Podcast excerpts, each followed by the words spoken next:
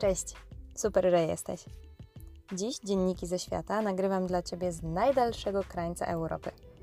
I to tak serio, serio, bo siedzimy właśnie w busie na Cabo da Roca, czyli najdalej wysuniętej na zachód części naszego kontynentu. I mimo, że do samego klifu mamy naprawdę z tego parkingu spory kawałek, to nawet tutaj wieje jak diabli, więc między moimi słowami pewnie usłyszysz jak gwiżdżę albo poczujesz jak nami buja. A dzisiejsza opowieść będzie inspirująca i bardzo odkrywcza. I chyba nawet zmieścimy się w 10 minutach. Siedzisz wygodnie?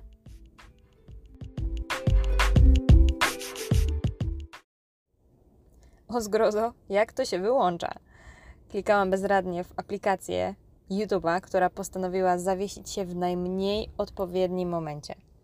Telefon wył, ekran nie działał, a klawisz regulacji głośności bez cienia zażenowania odmawiał współpracy. No to co miałam zrobić? Wcisnęłam go pod poduszkę, ślepo wierząc, że to ściszy ten jazgot, który i tak już zdążył rozlać się po całym domu. W trakcie przygotowań do tej podróży skakałam sobie po blogach, przewodnikach i podcastach, szukając portugalskich smaczków. I w każdym z tych źródeł, prędzej czy później, temat zbaczał. Najpierw z zabytków na naturę, potem z natury na jedzenie. Na jedzeniu zwykle przedłużał, a potem z jedzenia przeskakiwał na muzykę. I wtedy wszędzie, jak grzyby po deszczu, wyrystało to jedno krótkie słowo: Fado.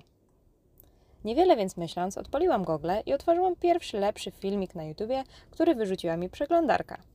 I moje pierwsze wrażenie? Ach, cóż, ja naprawdę się staram nie być ignorantem w podróży. Czytam, słucham, coś tam oglądam, a potem już na miejscu próbuję lokalnych dań, uśmiecham się do pań w warzywniaczkach, przestrzegam zasad danej kultury, ale fado mm, to było ponad moje siły. I wcale nie miałam zamiaru udawać, że jest inaczej. Bo o ile określenie portugalski blues brzmiało całkiem zachęcająco, o tyle to, co wtedy uderzyło mnie w uszy, już zdecydowanie takie nie było. Fado to gatunek muzyczny, który powstał w XIX wieku w dzielnicach portowych większych miast w Portugalii. I nie ma wątpliwości, że ten czas nie był dla tego kraju łaskawy, a wielu ludziom i bieda, i głód zaglądały w oczy częściej niż ich bliscy.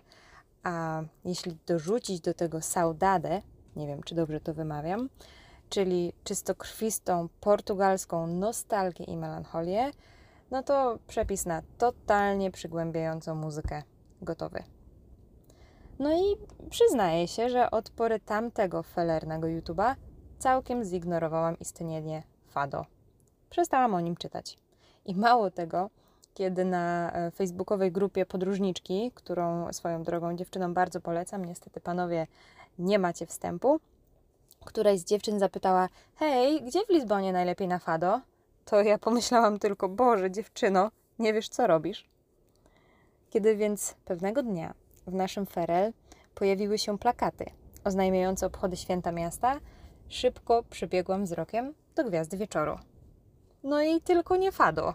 Skrzywiłam się na głos, zwracając na siebie uwagę wszystkich, którzy akurat stali w pobliżu, więc modląc się w duchu o to, żeby nie zrozumieli, wyparłam to, co widziałam i poszłam dalej. No ale mijały dni, a ja codziennie mijałam plakaty. No i za którymś razem w końcu zaczęłam się zastanawiać. A może to znak? Bo skoro nigdy, przenigdy nie kupię biletu na koncert, ani nigdy, przenigdy nie zarezerwuję choćby nawet nie wieczora, ale godziny na koncert Fado, to może właśnie stoi przede mną otworem jedyna i niepowtarzalna okazja, by na własnej skórze przekonać się, że to naprawdę jest aż tak złe. No i impreza jest w końcu miejska, myślałam, no to za darmo i nic nie stracę. A do tego w każdej chwili będę mogła się zmyć. Czyli to nie tak, że wejdę do jakiejś klimatycznej, maleńkiej knajpki, gdzie um, muzycy będą grać dla garstki osób i każdy zauważy, jak tylko skrzypnę krzesłem. No i nie oszukujmy się, byłam ciekawa Portugalczyków. i miałam w końcu pretekst do bezwstydnego podglądania ich w naturalnym środowisku, jakkolwiek strasznie to nie brzmi, jak to teraz mówię. Na dużą skalę. I skoro ostatnio odczarowałam już ich surowe twarze uśmiechem, no to byłam zwyczajnie ciekawa, co jest dalej, co jest w nich głębiej, jak świętują i czy są głośni i rozgadani jak Hiszpanie, czy może tacy bardziej powściągliwi i z rezerwą, zwłaszcza do nieznajomych, jak Japończycy. No i co? Oczywiście, że poszłam. I oczywiście, że nie wszystko poszło tak, jak myślałam. Słuchaj, a może oni już zaczęli, tylko po prostu razem siedzą i płaczą?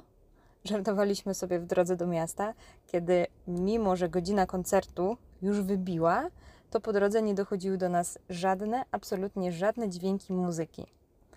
No ja nastawiłam się na to, że będzie smutno. Wyobrażałam sobie Ferelczyków, nie jestem pewna, czy tak to się odmienia, stojących pod sceną w zadumie, w długich, ciemnych, jesiennych płaszczach. Myślałam, że będą co najwyżej wzdychać pod nosem, ktoś uronił łzę, a potem pogrążeni w nostalgii będą przytakiwać tęsknotom wyśpiewywanym przez główny wokal. I wtedy się zaczęło. O, jak się myliłam.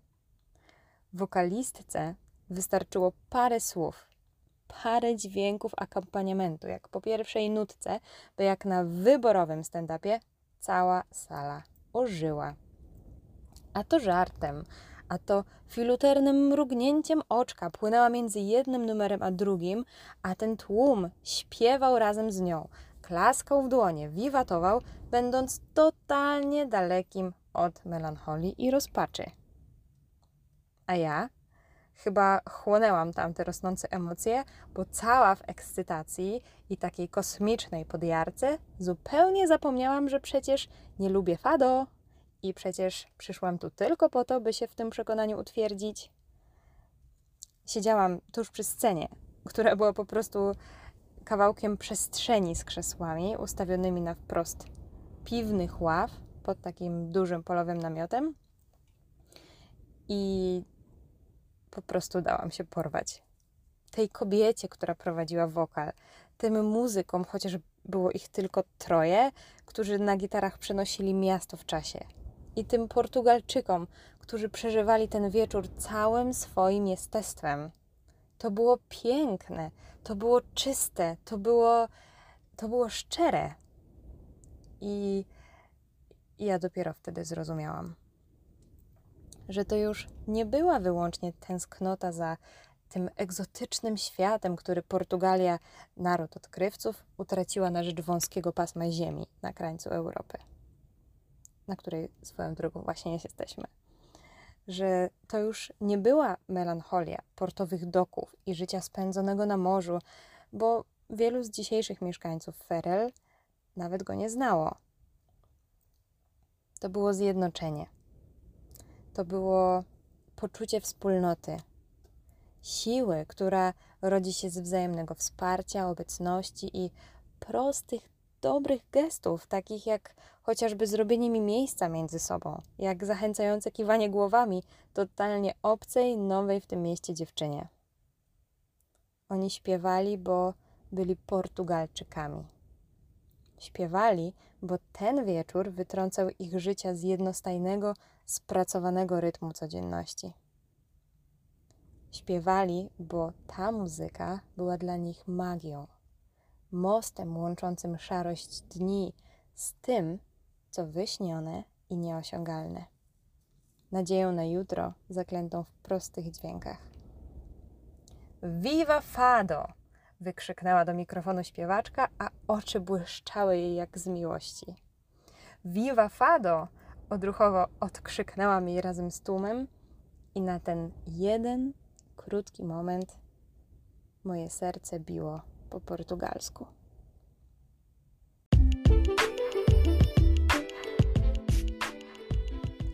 Gwoli ścisłości. Nie mówię, że fado wszędzie wygląda tak samo. To jest moje subiektywne i mało tego pojedyncze doświadczenie tej muzyki. Jeśli masz więc jakieś inne, koniecznie mi o tym opowiedz. Bardzo chętnie posłucham.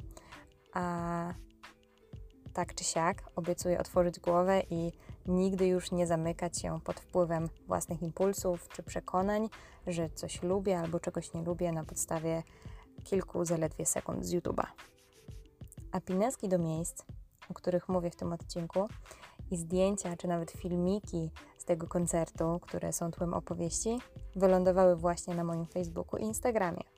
Znajdziesz mnie w internecie zawsze pod hasłem Jest super, dzienniki ze świata. Do usłyszenia, do zobaczenia. Cześć!